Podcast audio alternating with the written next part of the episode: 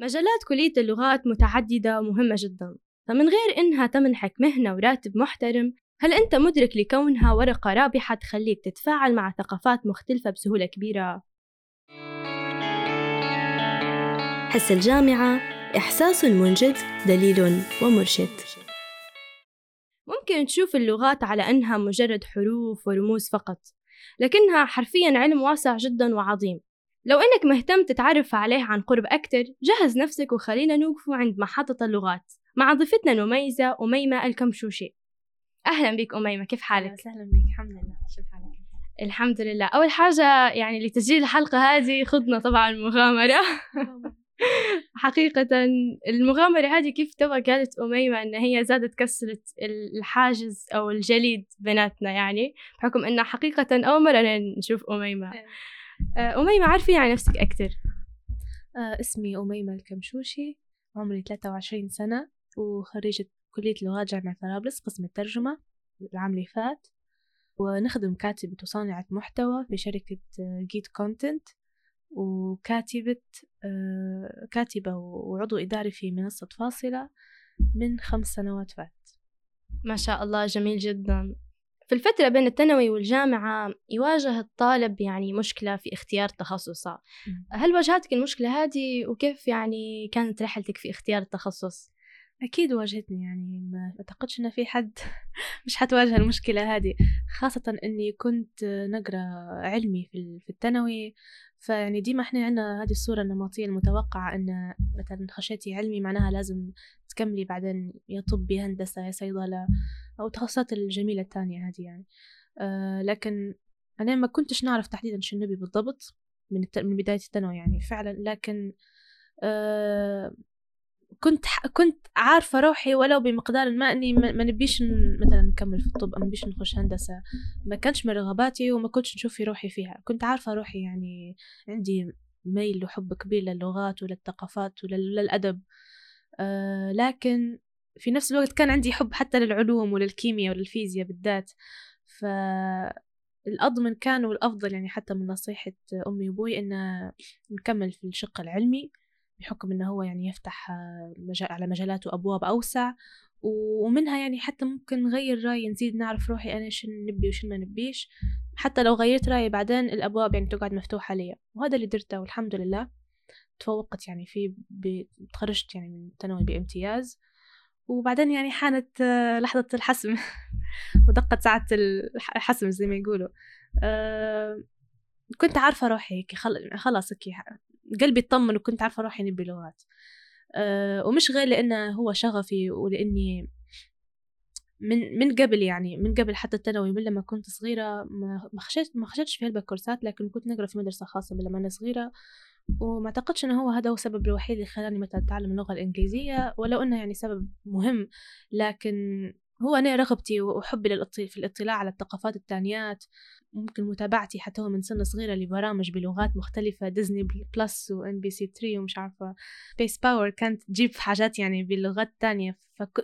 ما نعرفش من لما أنا صغيرة هيك حبيت الموضوع يعني ولساني انطلق فيها في اللغات بسهولة وحسيت يعني إن كانت عندي قدرة على الالتقاط بسرعة والحفظ وفي ناس هيك يعني كل حد ربي شنو يكتب له في ناس من لما هم صغار تستسهلهم الرياضيات والأرقام والجبر وفي ناس تستسهل عليهم الأحياء والكيمياء والفيزياء وحاجات تانية. وفي ناس تستسلم عليهم تستسهل عليهم اللغة العربية والإنجليزية واللغات التانية وأي حاجة لها علاقة يعني بالتواصل والكوميونيكيشن زيني. يعني بعد دراسات بعد مشاورات و...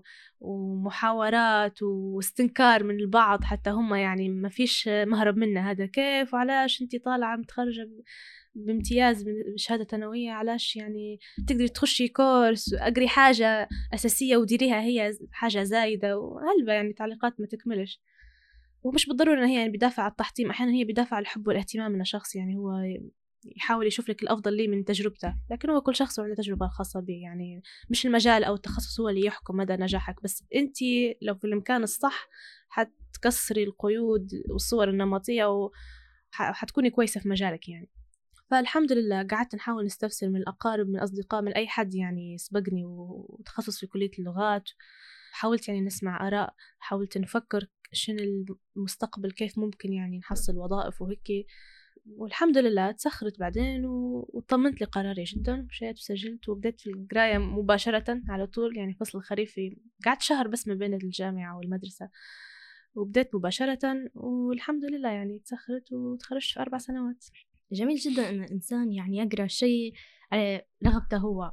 إيه. سواء حيكون شخص يعني حاب الشيء اللي هو حاب اللي هو يدير فيه هلبة إيه. وحي... وحيديره هو سعيد يعني. حيديره هو سعيد ولكن مش ديما. تو أنا حاسة يعني إنه هو صح هو الفكرة دي كلها صحيحة بهي لكن برضو لما إحنا صغار نحسب روحنا أحيانا إحنا نحبوا حاجة معينة وإحنا حنبدعوا فيها وهيك. لكن يكون ناقصنا العمر والتجربة وشوية من التفكير المنطقي. فيعني هي مخاوف الناس اللي حوالينا زي ما قلت لكم مش بالضروري تكون بدافع الإحباط أو التكسير. بس هي يعني بدافع إن هم شايفين أكتر في الحياة منا.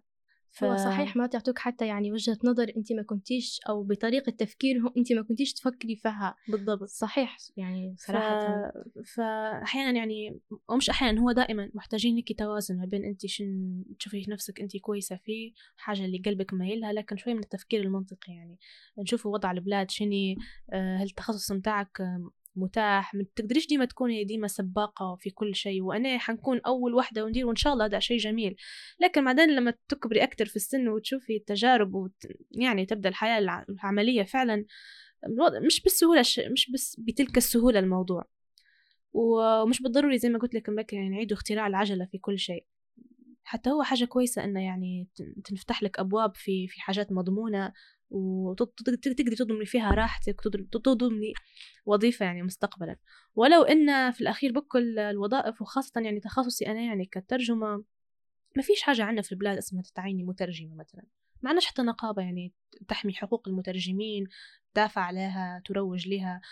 سواء كنت دكتورة كنت رسامة خياطة مهندسة هو الوظيفة مش حتجي عندك. صح؟ يعني في حاجات آه، متاحة أكتر من الثانية السبل لها متاحة أكتر متعارف عليها أكتر. في ناس قبلنا جربوها أكتر. لكن هو أنت وشطارتك ومدى أنك أنت تبي تقتنصي الفرص. هو اللي بيحدد لو أنت عندك خدمة أو لا. فإحنا يعني مشكلتنا لما نجون نشوفوا حد في الثانوي مرات يكون عنده يعني طموح هيك مغاير شوية عن المعتاد باي لما بتكبري هاي شنو بتديري؟ مش حتحصلي خدمة مش حتديري هيك ما هي الخدمة مش حتجيك وأنت مقعمس في الحوش هيك بتطيح عليك يعني. في جهد لازم تكون اكتف لازم إنك تدف أنت... نفسك تحط نفسك ما بين المجموعات تواصل تفتح مع عليك يعني علاقات. ف توا يعني بعد ما تخرجت وهيك لما نعاود نتفكر كيف كنت في الثانوي كيف هذه الفكرة يعني رحلة اختيار التخصص الحمد لله كانت موفقة لأنها فعلا سمعت لي قلبي كنت عارفة روحي شو نبي وكنت عارفة اللي نبيه. صح بعيد شوي عن الصورة النمطية لكن ما هوش شيء هلبة صارخ جدا يعني آه، أو هلبة هلبة مختلف. فهمتيني؟ يعني شنو اللغة؟ عادي اللغات مش مش مش الدرجة هذه يعني مش زي ما نقول مصممة أزياء أو عالمة فلك أو هيك في حاجات أصلية ما مش مش موجودة في البلاد الأقسام زي هي أو اللي تدعم مجالات زي هي فهمتيني؟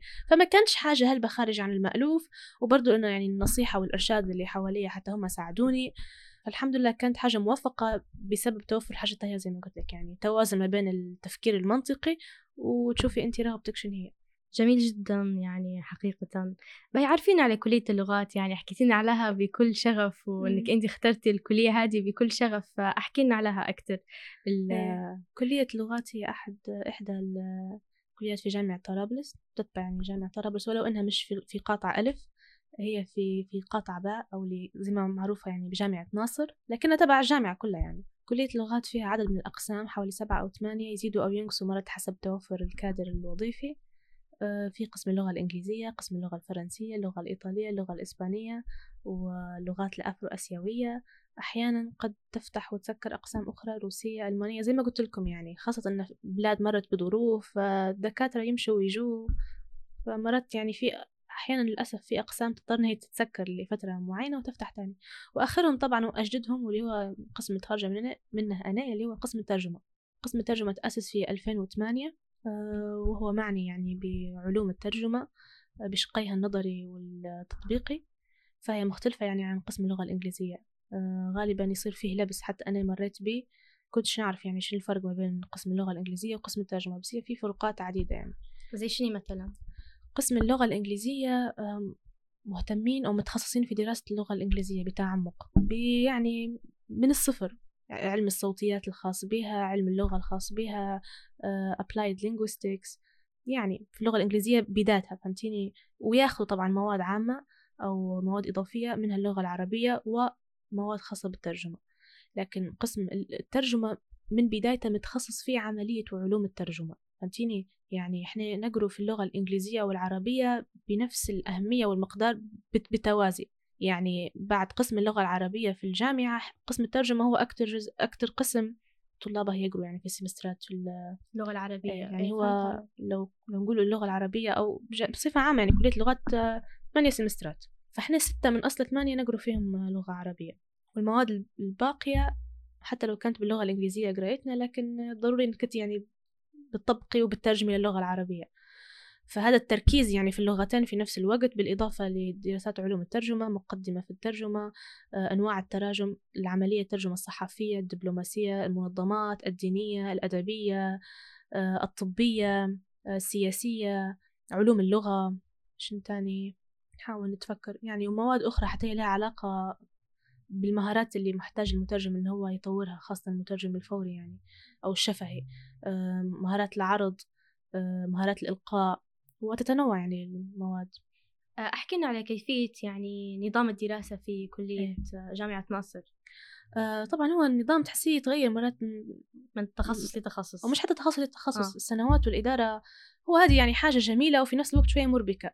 إن إحنا نجول الطالب اللي يقرأ في الثانوي مرتب هو بيتخصص لغات ولا بيجي يسأل الناس اللي قبله. الناس اللي قبله مروا أو group في الجامعة في عهد إدارة معينة و system معين هو توا ما عادش موجود. مرات جاي أحسن منه وهذا شيء حتى أنا كنت كنت خايفة منه يعني كنت نسأل في ناس وهيك فماشي في بالي إن أنا بتجربتي حتكون زيهم. بس هو راهو ديما نخلوا مجال انه هو بتصير فيه اختلافات. اختلافات مرات إجباري يعني غصبا عنك وقد تكون في صالحك يعني هذه صارت لنا في تغيرات كانت في صالحنا وفي تغيرات ما كانتش في صالحنا.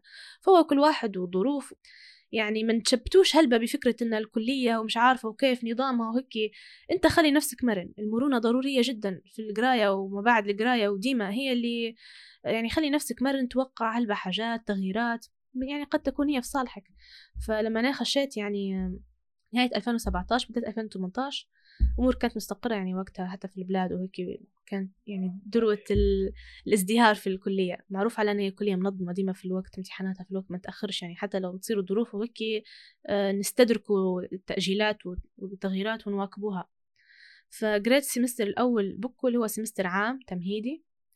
آه، قريت فيه عدد ستة مواد. من كل بستان زهرة زي ما يقولوا يعني يعلموك المواد العامة. باش بعدين أنت بناء على تجربتك في ال semester الأول تعرفي نفسك أنت لشن مايلة وبرضه حتى نسبة نوع التنسيب يعني. انت يعني نسبتك هي اللي بتأهلك. قد تكون انت ما جبتيش نسبة بما تكفي إنك تخشي بعض الأقسام أو العكس. فقريت لغة عربية آه، واللغة الإنجليزية هادو إجباري واللغة الفرنسية حتى هي لا آه يخيروك ما بين اللغة الإيطالية أو الفرنسية أو الإسبانية تختاري واحد منهم. أنا اخترت اللغة الفرنسية. وبعدين طبعا نفسها تختاريها في السمستر الأول. تكملها تاخدي أربع مواد عامة فيها يعني بالإضافة لتخصصك. فيعني قريت يعني أربع سمسترات لغة فرنسية. وتقري مادة مقدمة في الترجمة اللي حتى هي يعني أظنها ما كانش إجبارية. كانت يعني في اختيار بينها وبين اللغة السواحلية اللي هي أحد اللغات في جنوب أفريقيا. حاجة مخلطة ما بين العربي والأفريقي قريبة هلب علينا على فكرة حتى لو حد يسمعها ما يحسش إن هي كلمات بعيدة عن اللغة العربية. هو الصراحة أنا أول مرة نسمع به المصطلح. هي لغة مشهورة يعني في في الأجزاء الجنوبية من القارة. فالقسم هذا كان هلبة أكتف قبل وكانت عنده هلبة شعبية. آه، لأن زي ما قلت لكم له الظروف الوقت الشخص يعيش فيه ويقرأ فيه ويجرب فيه يعني هلبة حاجات في الحياة يختلف. هذا بتحدد تجربتك الشيء هذا. ف يعني قبل الثورة قبل ثورة 17 فبراير يعني. الأقسام اللغة اللغات الأفرو آسيوية كانت هلبة ناشطة بحكم أنها كانت في هلبة علاقات دولية ما بين ليبيا والبلدان الأفريقية. كان كنا في حاجة لمترجمين يعني ضابطين اللغات الأفريقية وكنا في حاجة لمترجمين ضابطين الإنجليزي اللي باللكنة الأفريقية. أفريقية. لكن بعدين اندثر القسم. سكر يعني اعتقد إنه في في بعض السنوات كان كان مسكر أو كان هيك يعني مفتوح غير باش ياخذوا المواد العامة ما عندهاش اهتمام للأسف يعني هذه حاجة مؤسفة. ما علينا آه هذا كان يعني آه، هذه كانت حصيلة مواد السمستر الأول. الخطأ أعتقد اللي أو الربكة اللي صارت في وقتنا إحنا إن إحنا حسبونا ال semester هذا من ضمن الثمانية سمسترات. هو يعني أي حد حيفرح بالشهادة ما بتخرجي بسرعة انت هي مدابيك يعني. صح. بس هو ideally يعني أحسن لو كان بروحه باش حتى يعني ديما التجربة الأولى وحتى وإحنا صغار في السن وهيك ولبعض الناس وتصير فهلبة ظروف وهيك. تصير هلبة أخطاء. صح. ويعني نعرف إحنا إن نظام الجامعة حتى النسبة متاعها تراكمية فذاك ال semester الفيصل زي ما يقولوا يعني اللي أنت جبتيه ذاك هو. بيمشي معك لنهاية هي الجامعة الفكرة أو الشيء اللي صعب إن هم يواجهوا حتى في صعوبة على كيفية الدراسة لأن كيفية حتى يكون الدراسة، نظام إيه. مختلف نظام. مختلف وتصير فيه فوضى مرات حتى التقصير من الجامعة نفسها هذا ما فيش. إنك كنت بتهربي منه في هلبة تقصير وهلبة أخطاء تصير صح، من الجامعة وال- والفرق أصلا بين إنك أنت تقرأ في ثانوي وتو إيه. أنت تقرأ في جامعة تقرأ في جامعة يمكن يعني أنا حتى أنا واحدة من الناس اللي واجهني ال- الفكرة هي يعني يعني قبل في الثانوي نقرا ليلة الامتحان ما شاء الله إيه. نسكر في درجة وبجديات الأمور كانت ماشية تمام بس في الجامعة هذا شيء شيء مختلف. مستحيل جدا. إيه توا لكن تغير الموضوع. عندي أخوي يعني كيف خاش الجامعة توا يحكي لنا السيمستر الأول مفصول هذا بروحه يعني ما يحسبوش فيه من عدد السيمسترات عندكم العام. حتى توا في جامعة طرابلس يعني قاطع ألف مم. يعني حتى الناس يتخرجوا من الثانوي هيك هيك يديروا لهم. عندهم هذا الفصل التمهيدي اللي هم بالضبط. فعليا فصل يقرروا عليه. التمهيدي. إيه، أنا ف- نشوف فيه إنه هو حاجة كويسة تعطي للطالب فرصة يعني إنه حتى يعرف نفسه هو شنو الحاجة الكويسة فيه اللي هو كويس فيها ولو صار يعني ضرر نجبروا الضرر ونعطوا روحنا فرصة تانية. هو الصراحة أتفق معك بس توا حاليا الطلبة كلهم يقولوا إن هذا الشيء بيضيع لنا بيضيع هذا شيء ما فهمتش كيف. هو سيمستر مش حيضيع آه، شيء غير إحنا. حتى إحنا يعني عنا هوس آه وغير نبغى نتخرج بسرعة هو مش هوس يعني عنا حق لأن نشوفه في الظروف اللي صارت لنا. أنا شخصيا يعني في وقت قرايتي كورونا جميع أنواع الحروب الاعتصامات بالقطارة يعني في هيك سيمسترات فقدت الأمل فيها فقدت الشغف فق- فقدت كل شيء كرهت اللغات أما لغات هذه ما نعرف شيء. ف كنا مرينا بالحالة إيه. فيعني هو justified زي ما يقولوا عندهم. حق يعني هم عندهم حق بس في نفس الوقت بس إنسان نبي نقول إنه يعطي الفكرة هي المرنة إنك أنت بالضبط. حاليا في جامعة مش عارف شنو يصير أعطي نفسك هيك شوية. مرونة وأعطي بالضبط. نفسك شوية مساحة إنك أنت تستثمر في حاجة للقدام مش مهم صح. نتخرجوا في خمسة سمسترات في عشرة سمسترات يعني لو جاي على semester لكن ال semester هذا بيغير لي نظرتي للحياة وبيكون مش للحياة كلها يعني شوية نهدوا الوضع لكن يغير لي نظرتي للتجربة لل- للزوايا اللي أنا واقف فيها حاليا في تجربتي كويس عادي. بس زي ما قلت لكم يعني أنا الحمد لله هو في الأخير مشيت أموري لكن ما كانش عندنا شهاده الزملاء يعني حسيت ان هم كان كان خاطرهم ان لو إحنا نفصلوا السمسترات نفصلوا السمستر التمهيدي عن الثمانيه الأساسيات. آه، ما علينا تخرجت من السمستر التمهيدي كانت الحمد لله نسبتي كانت كويسة يعني كنت جايبه امتياز وحان وقت التنسيب. فيعني العملية اللي قبل التنسيب غالبا إنك أنت تمشي تطلعي تسألي تشوفي وتشوفي تقاني احدى درجاتك فكنت أنا حايرة ما بين قسم اللغة الإنجليزية وقسم الترجمة شنو نبي وشنو ما نبيش وشنو الفروقات بيناتهم؟ انهم يتشابهوا هلبة في هلبة. مواد أصلا متشاركة بيناتهم وفي نفس الوقت هلبة اختلاف.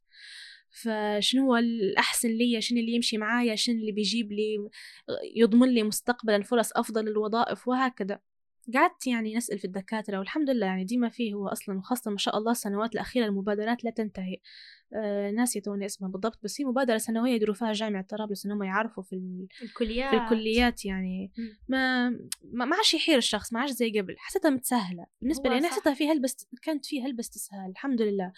ولو أنا في وقتي قبل أربع سنين في استسهال معناها اللي جاي بإذن الله أفضل. هذه حاجة جميلة يعني اللي قدام أحسن من اللي مشى يعني قعدت نعاود نشوف نفسي إيش نبي يعني كنت متفوقة في اللغة العربية ونحبها يعني من قبل من لما كنت يعني في المدرسة باللغة الإنجليزية برضو والحمد لله جبت يعني نسبة تكفيني وبالزايد ان ننتسب لقسم الترجمة. وعلى فكرة إن هو كان يعني آه، عنده أعلى درجات يعني الانتساب. المفروض تكوني مش جايبة أقل من 85% من في اللغة العربية والإنجليزية. فصار في تصفية كبيرة يعني زي ما يقولوا. قسم ما ما يخشلاش أي حد.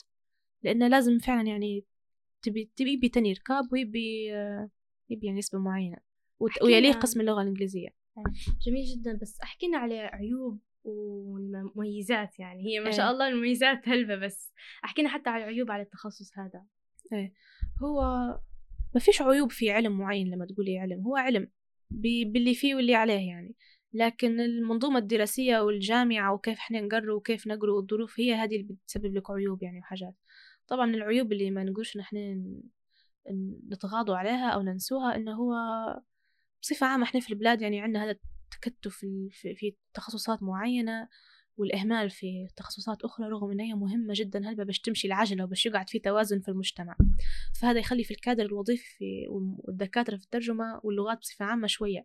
فلما يصير ظرف أو حاجة ما تلقيش دكتور. أنا يعني في مواد بالأربعة خمسة مواد نفس الدكتور يا عاطفة. عادي جدا هذا عندنا عادي جدا. يعني ثلاثة أربعة خمسة ذاك هو فيش أكتر من هيك. يعني مواد مختلفة لنفس الدكتور. نعم مواد مختلفة لنفس الدكتور. أه لكن كانوا يعني الحمد لله كانوا صراحة يعني ناس متمكنة و... ومعظمهم كانوا من أفضل أفضل الدكاترة فعلا. أه طبعا من العيوب الأخرى ضمن هيكلية الجامعة نفسها تقصير منهم هم يعني كيف إن قطع ب بالذات تعب من ناحية المبنى أكتر من من قطع ألف.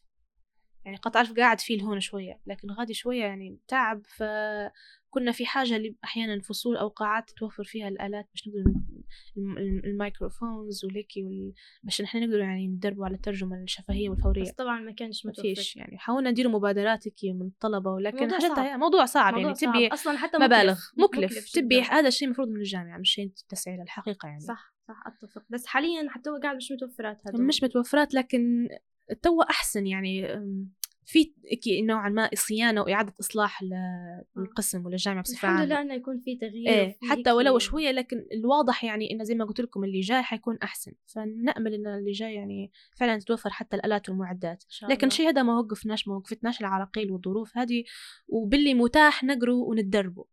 فايه الحمد لله مشت الأمور. تخصص اللغات يعني دائما يقولوا إن هو محتاج لصفات معينة يعني المفروض إن هي تتوفر في الشخص هذا. فشنو هذه الصفات؟ أو شنو حتى هي المهارات اللي المفروض إن الشخص يسعى إنه هو يكتسبها في أمتى هو يكون طالب يعني في الجامعة؟ أيه. أيه. أنا عامة نشوف إن التخصصات الإنسانية ومنها يعني اللغات تبي حد مش مش مغصبين عليه. يعني ما نخشش اللغات لإني أنا في الثانوي جبت جيد ولا جيد جدا هما مش حاجة غلط يعني مش حاجة عيب مش آخر الدنيا. آه، معناها كأنها هي الفضلة. هذه علوم إنسانية. آه، إحنا محتاجين التواصل في حياتنا. يعني كيف نتعرفوا على العلوم؟ كيف تعرفنا على الحضارات؟ كيف كيف قدرنا نطوروا الفيزياء والرياضيات والطب وهيك؟ يعني كيف وصلنا الحضارات ببعضها؟ عن طريق المترجمين وعن طريق الناس اللي فاهمة اللغة وعن طريق الناس اللي تحب تتواصل والكتاب. هذا يعني التخصص ما هوش فضلة التخصصات. هو يعني حاجة مهمة للمجتمع.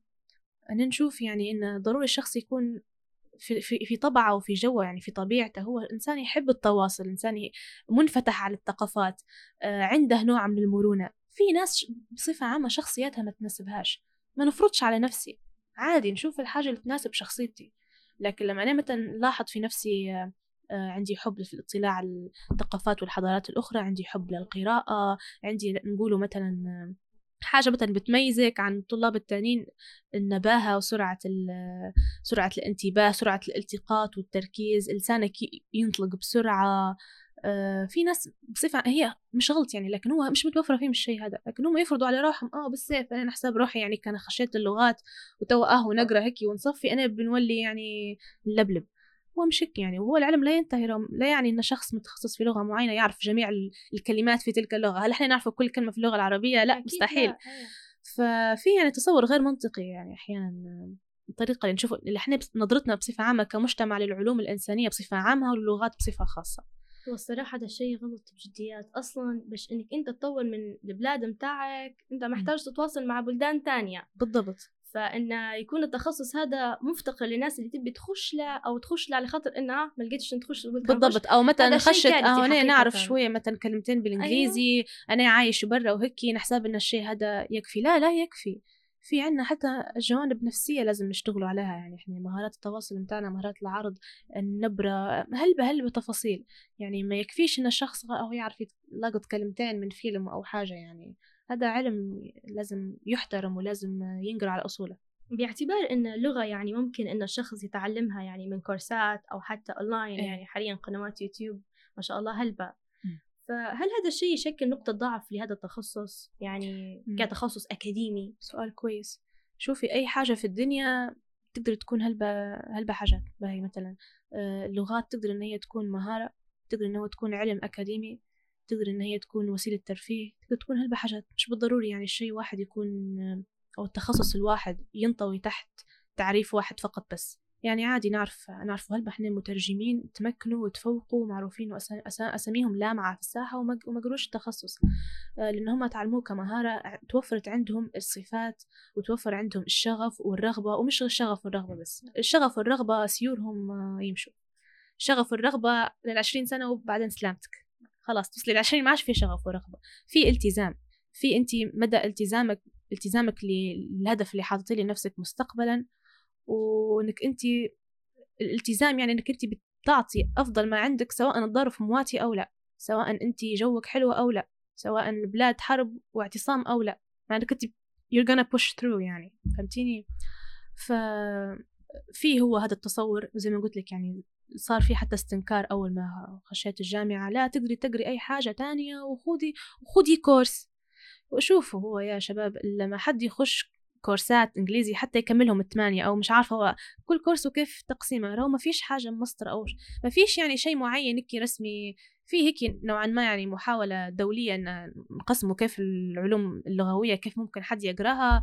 لكن إحنا كورساتنا هنا في ليبيا وهيك وكامبريدج وأكسفورد مش عارفة الأسامي اللي يحطوا فيها هذا الشيء مش حيعلمك كيف تتكلم إنجليزي. هذا الشيء بيعطيك أساسيات قواعد يعلمك اللغة أنت تتعلمها. كيف؟ ما نعرفش. قاعد هيك اتني ركابك آه، نمي مهارات الاستماع آه، نمي آه، مهارات القراءة متاعك. انفتح نفسيا على الثقافات والحضارات الثانية. هيك هيك بتتعلم. هذه أفضل طريقة وأفضل وسيلة للتعلم. تقدر يقدر الشخص إنه هو يخش تخصص معين ويأخذ تخصص ثاني. مش مش حاجة يعني مستحيلة. لكن أنا شفت ناس هيك وتعبوا جدا. تعبوا جدا لأن راهو كل ما تكبر في السن راهو الإرهاق وهيك ونظرتك في الحياة تزيد. تتوازن تولي منطقية أكتر ما عادش يبدأ عندنا نفس التوقعات اللي إحنا حاطينها لروحنا لما يكون عمرنا 18 سنة. وهذا الشيء مش بالضرورة غلط مش ما لا يعني استسلام بالعكس هذا قد تكون هو هذه خيرة الدنيا. يعني الشخص يعرف كيف يحط أولوياته وكيف يقسم وقته وكيف يتوازن في الحياة لأن الحياة أصلا مش كلها قراية ومش كلها خدمة. صح. مش أكبر شيء في الدنيا هذا راهو مهما كان حبنا للعلم وهيك في حاجات تانية مازال أكشن في الحياة. حبيت تعرفي جزء كلام هذا علاش ترى على خاطر إن حاليا خاصة مع مواقع التواصل الاجتماعي زاد الموضوع هذا. هذا أنجز هذا دار هذا شو دار؟ نقارنوا في إنجازات بعض وعندنا هذا التوتر. هوس بديت صدق هوس وكنا نتجاروا وتشوفي الانهيارات العصبية اللي تصير في الطلاب. من لما إحنا في الثانوي تلقاها تسيخ وتموت مش عارف شنو وكل على خط الامتحان توتر هذا غلط رغم هذا الشيء يعني للأسف بعض الأهالي قد يديروه يعني الصغار آه بندافع حبهم هم بيشوفوهم هم الأفضل وهيك لكن الوسيله خطأ من لما هم صغار يعني آه ضروري كذا كل شيء بالتوتر وبال stress وبعدين يكبروا يبدو التنافس المقارنات فيما بيناتهم وال social media بس راهو there is so much more to life يعني الحياة مازال فيها أتفق بجدية أصلا حتى أكبر في أكبر الاستمتاع إنك أنت تستمتع. حتى تستمتع بحياتك يعني القراية مش الحياة مش كلها قراية. تستمتع بخدمتك تستمتع بالضبط. بالاستمتاع نفسه. بالضبط تستمتع بأخطائك وبالتجربة وبهيك يعني هو راهو حياة فيها تبي مرونة تبي هيك. فاللي يبي يخش تخصص وياخذ اللغات حاجة جانبية ويعرف روح إنه هو عنده عنده القدرة وطول النفس والالتزام اللي حتى لما أنا ما عنديش شغف go for it باهي دير الحمد لله.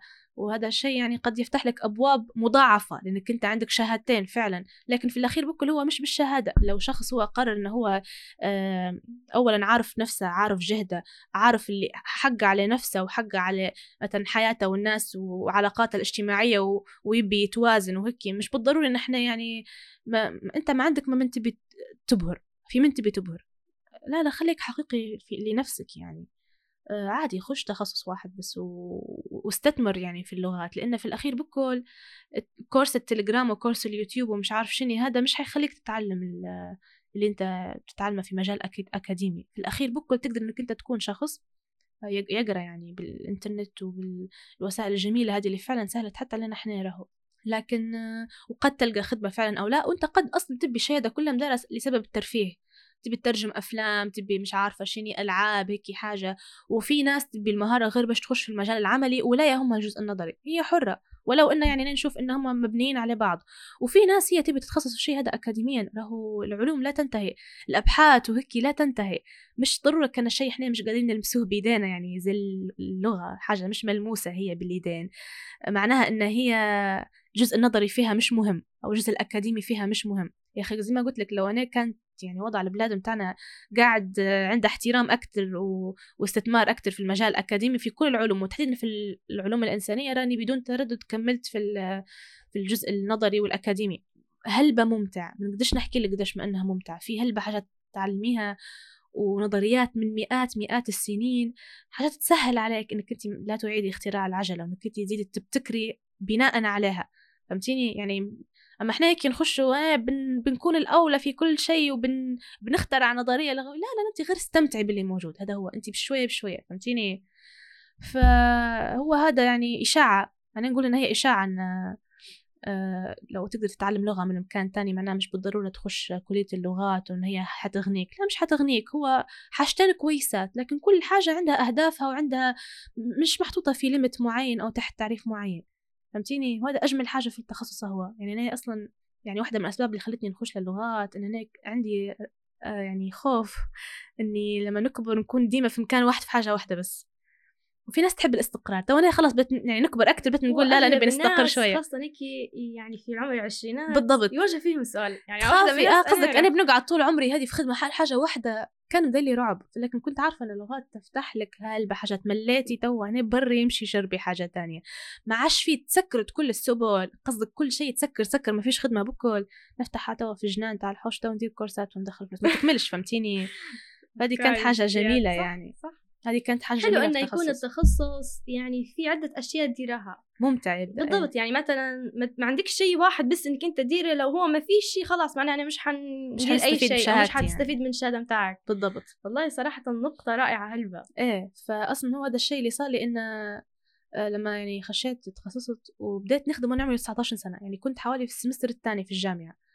لما بديت نخدم آه بديت نخدم في آه ككاتبة محتوى لأن أنا من لما كنت صغيرة أصلا كنت كاتبة من لما عمري تسع سنين ما شاء يعني الله. اكتشفت فيها الموهبة هذه اكتشفها فيها أستاذي قبل ومنها ما وقفتش يعني حبي للكتابة ورغبتي وحلمي في يعني كتابة كتاب يوما ما وهو قريب إن شاء الله يعني في أصلا حاجات قبلها مش حنحكي مش حنحكي عليها تو أنا قاعدة هي top secret لكن آه في حاجات في عام 2017 وأنا كيف يعني خاشة في الجامعة تعرفت آه، على منصة فاصلة. وقتها كانت قاعدة منصة مش منظمة تو الزوز يعني. وفاصلة غيرت لي حياتي يعني. ما نعرفش كيف بنقولها لكن لما تكوني هيك صغيرة ويبدأ عندك حلم معين وتكبري وما فيش حواليك المجال أو الوسط إنك انت تمارسي فيه يعني رغبتك في في الحلم هذا و يعني النشاطات الشغف أو الحاجات اللي انت تحبي تديريها كالكتابة في منصة إيه. فاصله ولقيتي الإقبال عليها. تعرفت على مجتمع ف... وعائله تانية كلها في فاصلة فهمتيني؟ عائلة عائلة تانية. كل حد جاي. مصطلح راهي كبير إيه. هلا انت تقولي لي. عائلة لأن تو نشوف الموضوع قريب خمس سنين راهي عشرة. عشرة وما وقفتش يعني حاجة تطوعية بالكامل بدون أي قرش. مبنية على الشغف والالتزام. هذا اللي علمني إن راهو مش كل شيء يجي بالأحلام وبالالتزام آه بال... مش بالشغف. كل شيء أصلا ضروري يكون بمقابل. بالضبط. مش كل مش شيء. كل شيء. يعني الاستثمار اللي تديريه في نفسك وفي نفسيتك وفي وعيك يعكس ينعكس عليك القدام حتى في خدمتك. يعني هذه حاجة أنا ممتنة هلبة أني قدرت نتعلمها من من خدمتي بكري ومن نشاطاتي التطوعية سواء مع فاصلة ومع هلبة حاجات تانية مع الاتحاد في الجامعة ولو لفترة قصيرة.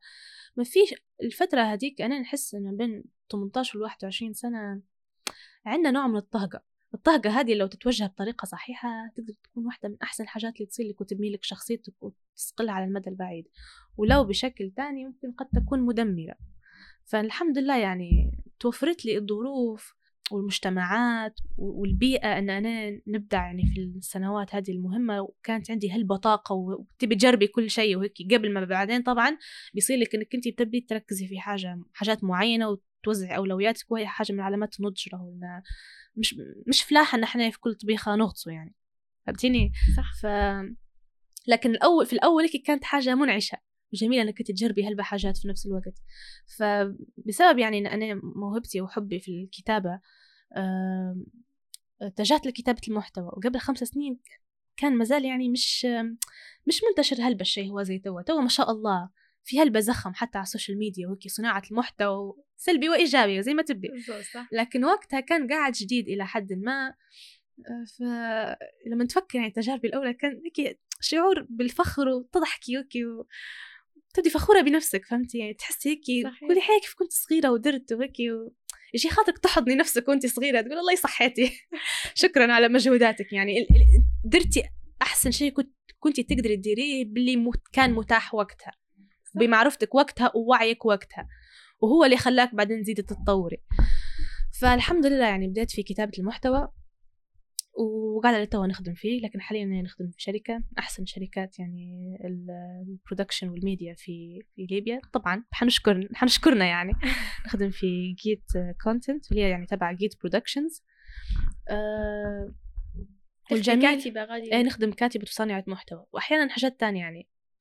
هيك في مرونة ديما في الحاجات هي فهمتي؟ مرة إيه ومرة لا. كل مرة تجيك حاجات يعني. أه وبرضه خدمت حتى كمترجمة يعني بديت أه نطبق ونخدم في الترجمة من لما أنا قاعدة نقرأ كيف أه، كانت أول تجربة ليك هيك ترى احكي لنا آه بيك تجربة قديش سنة؟ هيك حوالي أربع سنين خمس سنين فاتت يعني okay خلينا نرجع أربع سنين فاتت إيه. واحكي لنا ترى شنو نسيت شنو أول حاجة حتى لو. درتي أغلاط وهيك إيه. احكينا لها نسيت تعرفي شنو هي أول خدمة ترجمة درتها تحديدا لكن آه، باهي أحكي لنا على بصفة عامة كانت تجربة مثلا ما نسيتيهاش. هيك كانت تجربة- مثلا مكان مثلا كبير أو مثلا مع شخصية إيه. هيك مش نسيتيها. لا ما هو شوفي في نوعين طبعا من الترجمة الترجمة إيه. التحريرية والشفهية. فإحنا في القسم هو غالبا برا في الجامعات برا الترجمه الشفهية عندها قسم بروحها مش مش حتى تبع الترجمة بروحها يعني بروحها شوفي انت قداش الاهتمام و... واحترام كل حاجة على حدة لدرجة إن إحنا كل حاجة عندها مجالها وعلومها وهيك ما نخلطهمش ببعض. بس للأسف إحنا غير خلينا تو نترجم وبعدين سهل. فخدناهم مع بعضهم لكن التركيز كانت 80% على الترجمة التحريرية. علاش قلت لك أنا حاليا يعني نقرأ أكثر باش نبي نكمل حتى في ترجمه شفهيه بروحها. لأن عالم تاني مختلف فهمتيني؟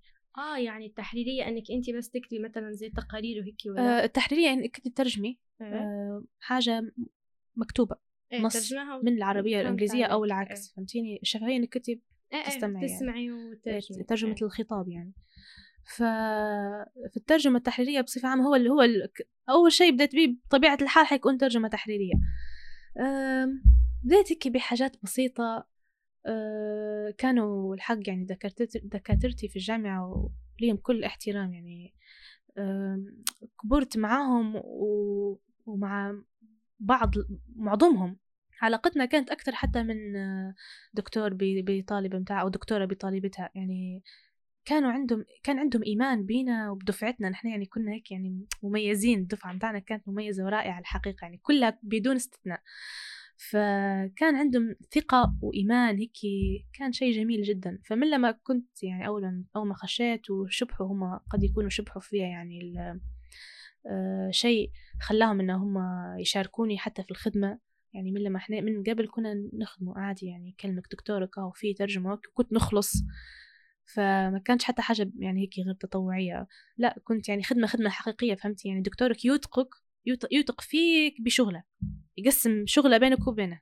آه جميل. إيه فالحمد لله يعني هذه كانت بداياتي هيك آه وبعدين مع الوقت انت تبني تبني يعني صيتك بين الناس تبني صيت. تزيد تقوي علاقاتك وهذا يقول لي هذا هيك راهو الخدمة بصفة عامة واللغات بصفة خاصة والترجمة تحديدا تبي إنك أنت تحطي نفسك تدفي نفسك تخشي تجربي هيك وتتكلمي وما يعني من اللي يعني. فعليا تبي جرأة باش إنك تبي جرأة وتبي إنك أنت يعني ما يكون عندك توازن ما بين إنك أنت تروجي لنفسك بدون طبعا ما بطابع جميل إيه يعني مش فهمت زيادة على. اللزوم تحطي نفسك مرات في موقف آه، أكيد. المترجم من أكثر من أكثر الشخصيات والوظائف اللي بيحاسب هلبة يحاسب هلبة بدون رحمة فهمتي بدون أي شفقة بيجلد مم. يعني المترجم ديما في في عين في الضوء تحت الضوء مباشرة ممكن الشخص هو لما يجيب بيجيب يحضر مؤتمر وهيك بيلقى مترجم قدامه قد يكون هو عنده سنين من الخبرة لكن السرعة في الحديث التوتر الضغط وهيك قد تخليه يقول خطأ فهمتيني؟ ومستحيل حد حينسى الخطأ هذا وهالبنات حيحكموا عليك إنك انت مترجم مثلا ما تصلحيش بسبب الخطأ ذاك؟ قصدي المجال في الخطأ فيه ضيق شوية فهمتيني؟ هو صح انت بكي حدا ذكرتي انه تبي السرعة البديهية. تبي السرعة لأن أحيانا مثلا الشخص تبي حتى تغلطي تجبري الخطأ متاعك بسرعة وحاولي ما تخليش حد يلاحظ فهمتيني؟ تلمي الأمور. تلمي المي... تبي مهارات تبي مهارات. تبي ما تبيش تبي شخص يكون سباق ويجرب أكثر من إنه هو مقعمز ويستنى فهمتيني؟ أنا فعليا تجربة حتعلم أكتر وأكتر. بالضبط لازم تكون يعني هيك تدفي في نفسك. فهذه كانت تجربتي الأو... بعض تجاربي الأولى في ترجمة تحريرية وبعدين الحمد لله يعني كل حد خدمت معاه كان يقترحني للشخص الثاني فلما حد بيترجم يبدأ يسأل عن عنه هيك التوصية و... بالتوصيه وتو الحمد لله يعني شبه جميع الشركات الكبيرة يعني حتى في الميديا وفي الإعلام وهيك أقل شيء جربت معهم تجربة ترجمة واحدة. الحمد لله يعني كلهم كانوا يرجعوا لي. ولو إن عيب ال freelancing هو في الأخير إنها متذبذب ومش مستقرة يعني وظائف العمل. هذا قلت لك لو تبي تبي جهد منك. وهذا الشيء آه، هذا أحد الأسباب اللي يخلي في الناس ما تخصصش في اللغات. بعد ما نتخرج له التعيين وهيك صعب يعني. حتى بتتعيني في حاجة ما فيش شيء معين خاص باللغات تحديدا. لازم يكون عندك مهارة تانية. فأنا متفهمة الناس اللي تقول إن نقرأ لغات ونقرأ معها حاجة تانية. بجديات لو تقدري إيه آه لو أنت عارفة نفسك مثلا شخصيتك وظروفك و ال lifestyle متاعك ما ما يساعدكش إنك انت تدخلي نفسك و... وتجربي مثلا تجارب وهيك وما مرت ما مش ح... مرت ما عندكش الفرصة ببساطة فهمتيني؟ آه فإيه اقري معها حاجة تانية باش تدعمي نفسك اداريا وهيك حاجة إدارية ولغاتك كويسة تبدأ عندك حاجتين فهمتي؟ لكن ما تقول لغات بس بين شو بندير بيك لغات بس. فهو سؤال منطقي لكن آه هو أنا تو مثلا خدمت كاتبة محتوى هذا هو مصدر دخلي الأساسي. الترجمة مش ديما متوفرة ولو أن الحمد لله يعني زي ما قلت لك بسبب التوصيات وسبب النشاطات خاصة أني بديت بكري فحاسة روحي يعني مع التخرج كنت already مشتغلة هلبة حاجات و already عندي clients فهمتيني؟ في يعني clients دا دا دائمين يعني مش حتى تاع حاجة هيك مؤقتة. لكن أنا نشوف إنه ضروري أقل شيء مبدئيا في بداية رحلتك إنه يكون عندك شيء تاني تدعمي به تخصصك. لو يعني تبي يعني تخدمي في سوق العمل لأن تقدريش تعرفي مستقبل مرات قد تبدأ عندنا نقابة خاصة بالمترجمين ويبدأ عندنا احترام أكثر وفهم أكثر من المجتمع لأهمية الوظيفة هذه. إن هي مش غير أنا نعرف نتكلم لغتين وخلاص يعني. هي صح تصدقي إن حتى مثلا يقول لك أنا والله عندي لغة إنجليزية فأنا ممكن إني أنا مثلا نترجم ممكن يعني نترجم ف يعني هذا الشيء شائع كنا نقدر نترجمه في دماغنا هيك لما نقعمز ونقروا حاجة بس المترجمين عرف لما ينحط هيك في الموقف يقول لك ترجمي. آه. فهمتيني؟ هذاك هو حتى مش حتى اللغة الإنجليزية بس نحكي لك إن حتى اللغة التركية مثلا أي لغة في علبة لغات ما قلت لك أصلا عندنا أقسام يعني يعني كيف حتى نظرة المجتمع إنك أنت عندك إنجليزي فخلاص أوكي ترجم إيه، العربي. علاش ما تعرفش الكلمة هذه؟ مش قاري إنجليزي؟ لا هو مش هيك. راهو آه، بحر عالم واسع. أنت مش غير بتترجم الكلمة. أنت مش بتترجم كلمة لكلمة. أنت بتترجم حتى الإحساس اللي وراها. بتترجم الرسالة المبطنة اللي هو وراها. المترجم أهم أهم أهم صفة فيه إنه يكون شخص شاطر. شخص نبيه مش شخص يجيب في درجات مسكرة مش الشهادة مش إنك أنت امتحاناتك تصفي كل سمستر بامتياز مش هذا اللي بيخليك مترجم ناجح. إنك أنت تعرف ترجم الناس. لما يجي حد يقامز قدامك لدرجة إن إحنا نفسيا المترجمين الشاطرين حتى يعني اللي لاحظت فيه من الدكاترة الأكبر مني وهيك عندهم نفسيا فطرة إن هم يفهموا الشخص بسرعة يقروك زي الكتاب. من من لغة البادي لانجوج متاعك من نبرة صوتك من شبحة عيونك. لو انت ب... انت بتنقلي خطاب بتجرديه من الأحاسيس اللي وراه بتجرديه من المعاني المبطنة اللي وراه. كيف الرسالة حتوصل؟ فهمتيني؟ حتى بديك زي جوجل يعني انت خذيتي كلمة بكلمة مش هذه الترجمة. فهمتيني؟ هذا هو التحدي اللي فيها إنك انت دماغك يكون منفتح. تقدري تقري الناس. تقدري تكوني سريعة يعني في, في الالتقاط. تسمعي كويس. ومش تسمعي؟ تنصتي. فهمتيني؟ كلنا نقدر نسمعه. لكن هل نقدر نسمعه وراء اللي ما يقولها الشخص؟ ولا غير العبارة هيك نبدأ هو قال حاجة نبدأ انت تعرفي العبارة هذه عبارة عادية كلمة ولا تلقيحة؟ ما إحنا مش مش نزبطوا هذا المعاني. هذه علوم كل علم كلنا نقروا فيه بروحه راهو في يعني يقولوا علوم اللغة. هي قريب ثمانية. تبديها من ال morpheme من الحرف اللي هو اسمه ال morpheme. توصلي لل pragmatics اللي هو العبارة لما تكون في سياق معين وهيك وال message اللي فشوفي انت كل حاجة من المراحل هي حرف كلمة آه، صوت فونيتكس وبعدين كيف آه، آه، تكونت الجملة بعدين المعنى علم المعاني وراء الجمل وهكذا. هو ف... صراحة إيه. تخصص كبير جدا. كبير فهو راهو أكبر مؤسف من إنه إنه مش عاطينا حقه. مؤسف جدا هو أكبر من من ترجمة كلمة بكلمة أو عبارة بعبارة. فزي ما حكيت لك يعني كانت هذه التجارب الأولى في التراجم التحريرية بس أكثر حاجة نتفكر فيها كانت تجربتي الأولى في الترجمة الشفهية. لأنه ما كانش لها هلبة يعني في 2021 كنت على مشارف التخرج تقريبا في سمستر السابع. فعندي صديقتي يعني صديقتي هلا صديقة عمري هي وحتى هي تقرأ معايا. وإحنا زوز يعني الحمد لله. أعتقد هذه واحدة من الحاجات المهمة. ضروري تختار البيئة في الجامعة اللي هي طموحة زيك. وطموحة لأن أنتوا تتشاركوا في هدف هدفكم مش إنكم تتنافسوا من هو الأحسن من الثاني ومن اللي بيكسر مشداف الثاني ومن هو اللي بيجيب درجة أعلى. لا أنتوا عندكم نظرة للقدام فهمتيني؟ أنتوا خارجين من الإطار أنتوا برا الإطار. إذا اشتغل في الإطار تشبحي فيه واضح لأنك أنت مش فسطة أنت توا بعيدة. تشبحي أنت الحياة شن معناها؟ أنت فاهمة أن الحياة مش كلها قراية. أنت فاهمة أن الشهادة مش هي التعريف النهائي والوحيد لي انت فاهمة هلبة حاجات فهمتي؟ الوعي هذا يخلي تجربتك حتى الاجتماعية في الجامعة ألطف. فيعني كنت محظوظة يعني هذه نعمة هي راهو. ما فيش شطاره معينة كيف إنك أنت أنت تسعي فقط إنك أنت تحيطي نفسك في بيئة كويسة وشاطرة دؤوبة تحب يعني تطمح هيك حاجات كويسة. والتنافس بيناتها تكون شريف. بس هي كانت نعمة يعني إن صديقتي يعني صديقتي المقربة آه، اني تعرفت عليها في الجامعة وقصة تعرف يعني, يعني شاركتني الشغف والرحلة. وكنا كبرنا ونشارك بدنا في الفرص والعمل لا آمس فهمتيني؟ كنا مع بعض نجربوا في حاجات عمل جديدة. فهي يعني شخصيتها وإحنا طلقنا على بعض وهي هذه حاجة مضحكة شوية بهي أنا أهدى شوية يعني منها وهي extrovert أكثر مني وأنا introvert أكثر منها.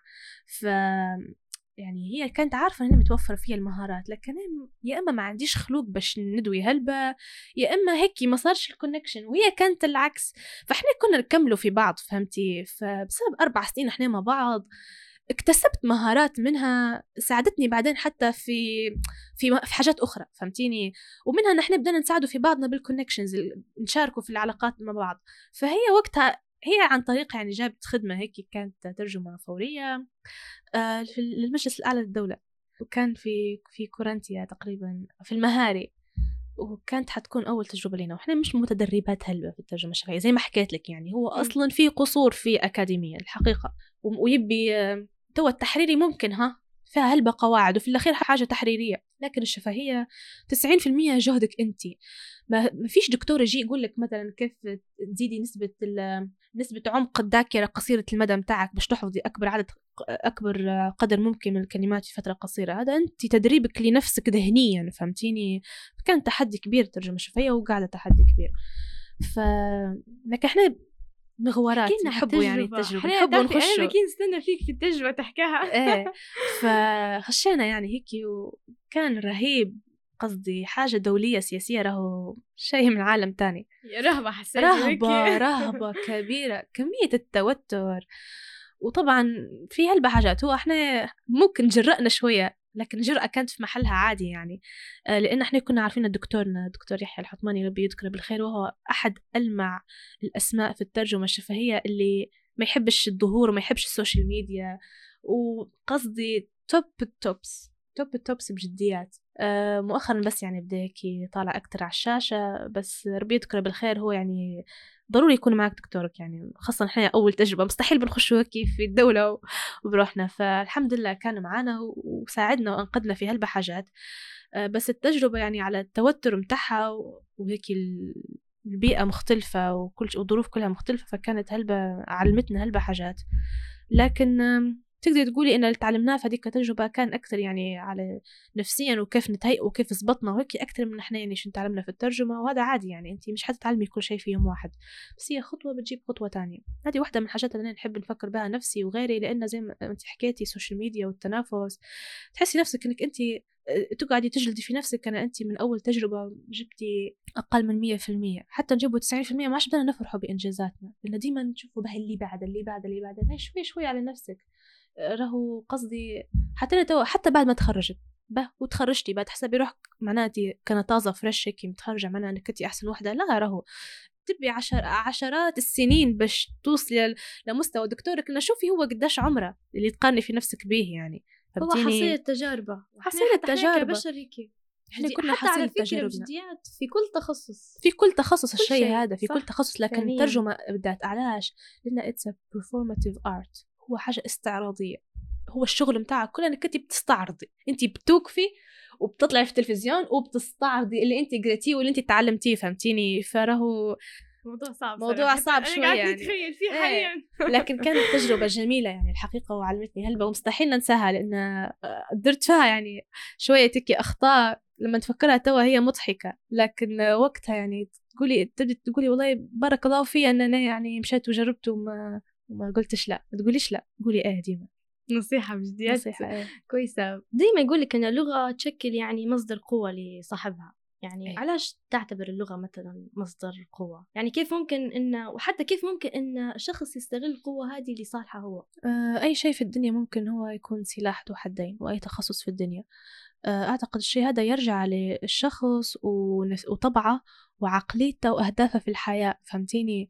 آه، مثلا أنا شخص كل شيء نشوف له بعدة هل أنت بتشوفي لكل شيء في حياتك بعدة مناظير منظار ديني منظار اجتماعي منظار وظيفي منظار ترفيهي لكن إحنا يعني كمسلمين عارفين آه، كل شيء يقع تحت اللينس الاسلامك أو spiritual متاعنا مدى أنت قاعدة يعني تحرتي فيه في سنينك وفي عمرك وهيك هل هذا حيفيدك في آخرتك. أنا مش عارفة أنا هذا أحد الأسئلة اللي سألتها في نفسي يعني في الأخير كيف إن أنا يعني هذه حاجة ممكن ننصح بها حتى الناس يعني.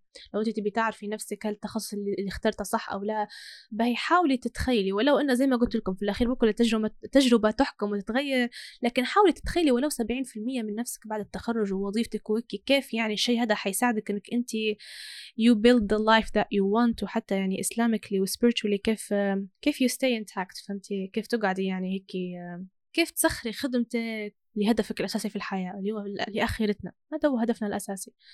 فاللغات جميلة. من تعلم لغة قوم يعني أم- أمين شرهم. اللغات صح يعني إحنا نقولوا مرات تتعلمها من أغنية طلقتها كلمات إنجليزية وأفلام وكي إيه باي هذا نلقطوه لكن سخري بعدين بحاجات أحسن.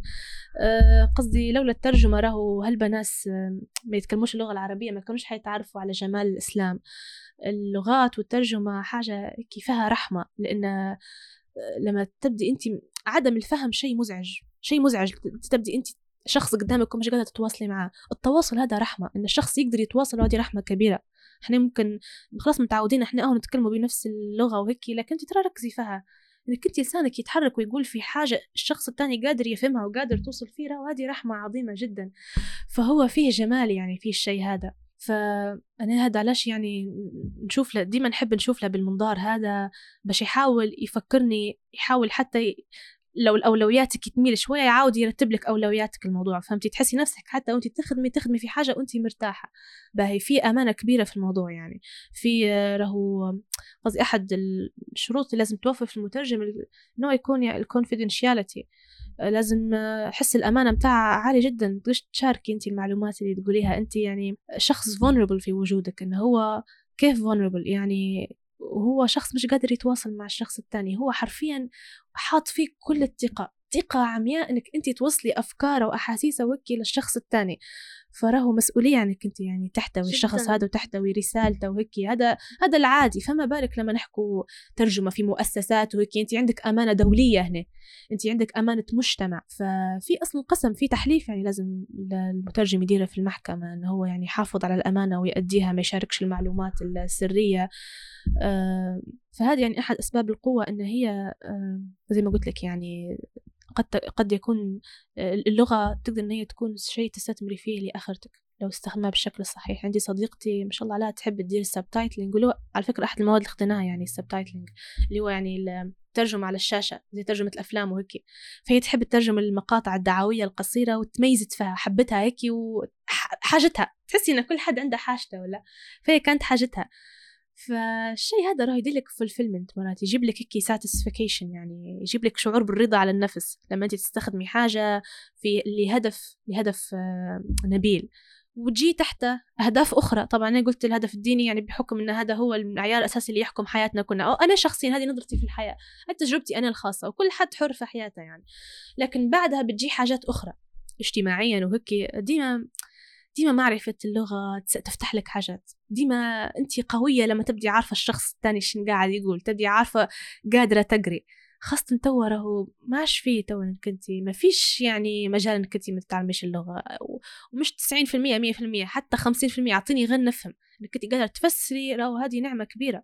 أصلا إحنا كعرب راهو قصدي الإنجليز هم اللي لاحظي إن الأجانب هم اللي عندهم لغة واحدة هم اللي نادر ما تكون عندهم لغة تانية. أما إحنا كنا قادرين نتكلموا اللغة العربية اللي هي أصلا بروحها واعرة ولغة أخرى يعني ف...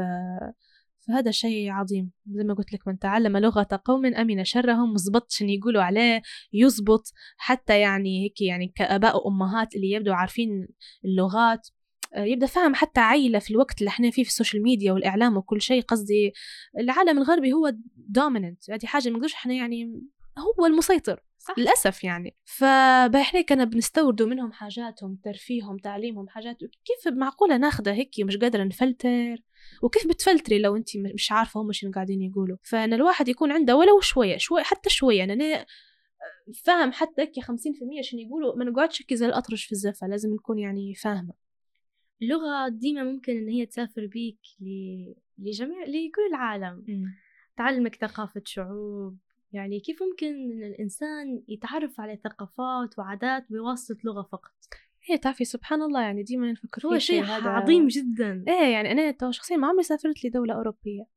زي ما قلت لك والكورسات اللي خذتها كانت بسيطة جدا. يعني جت لا عندي فهمتي؟ وهذه راهو زي ما قلت لك كل شيء في الدنيا سلاح ذو حدين. يعني الإعلام والتلفزيون وال social media وهيك يا تسخرها لصالحك يا ضدك.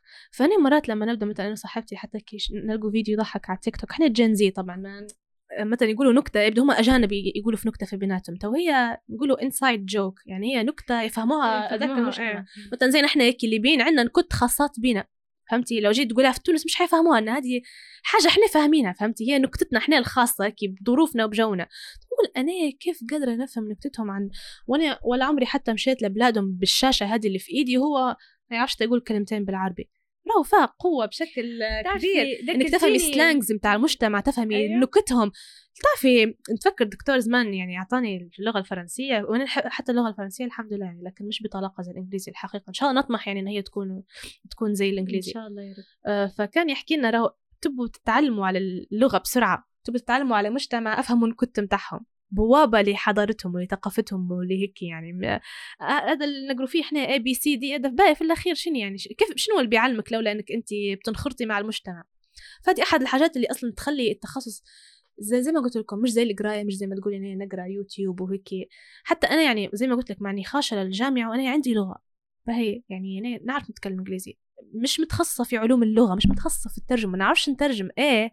لكن يعني عندي لغة إنجليزية. حاسة روحي تو نقول أنا شنو اللي كان عندي؟ ما كان عندي شيء يعني أنا اللي تعلمته تعلمته كلها في الجامعة. علمتني التجربة والمواقف المضغوطة والتوتر واللحظات اللي أنا متحشمة فيها من نفسي. هذاك اللي علمني هذاك اللي خلاني نتطور هذاك اللي خلاني نولي أحسن. فبجديات يعني لغات تعلمك هيك على تبي تقولي كيف يعني أنا فاهمة نكتة نكتة في شارع أمريكي ما هيك وأنا في حوشي وكيف كيف تقدري مثلا تتعرفي على تاريخ الناس حتى المسلسلات هي الكوميدية اللي أغلب الناس أصلا ما تحبهاش. دوك تفرج على مسلسل كوميدي أجنبي. إيه. زي مثلا فريندز فريندز مثلا حرفيا إيه. تعرفي ديما يقول لك انه كيف تيجي تضحكي عليه؟ وأنا حرفيا على فكرة من أول ما أفتح الحلقة وأنا أنا حرفيا ما هي شوفي محلها. أنت تخيلي. قديش ما ان الموضوع جميل إن انت قاعدة تقدري تضحكي بلغتين.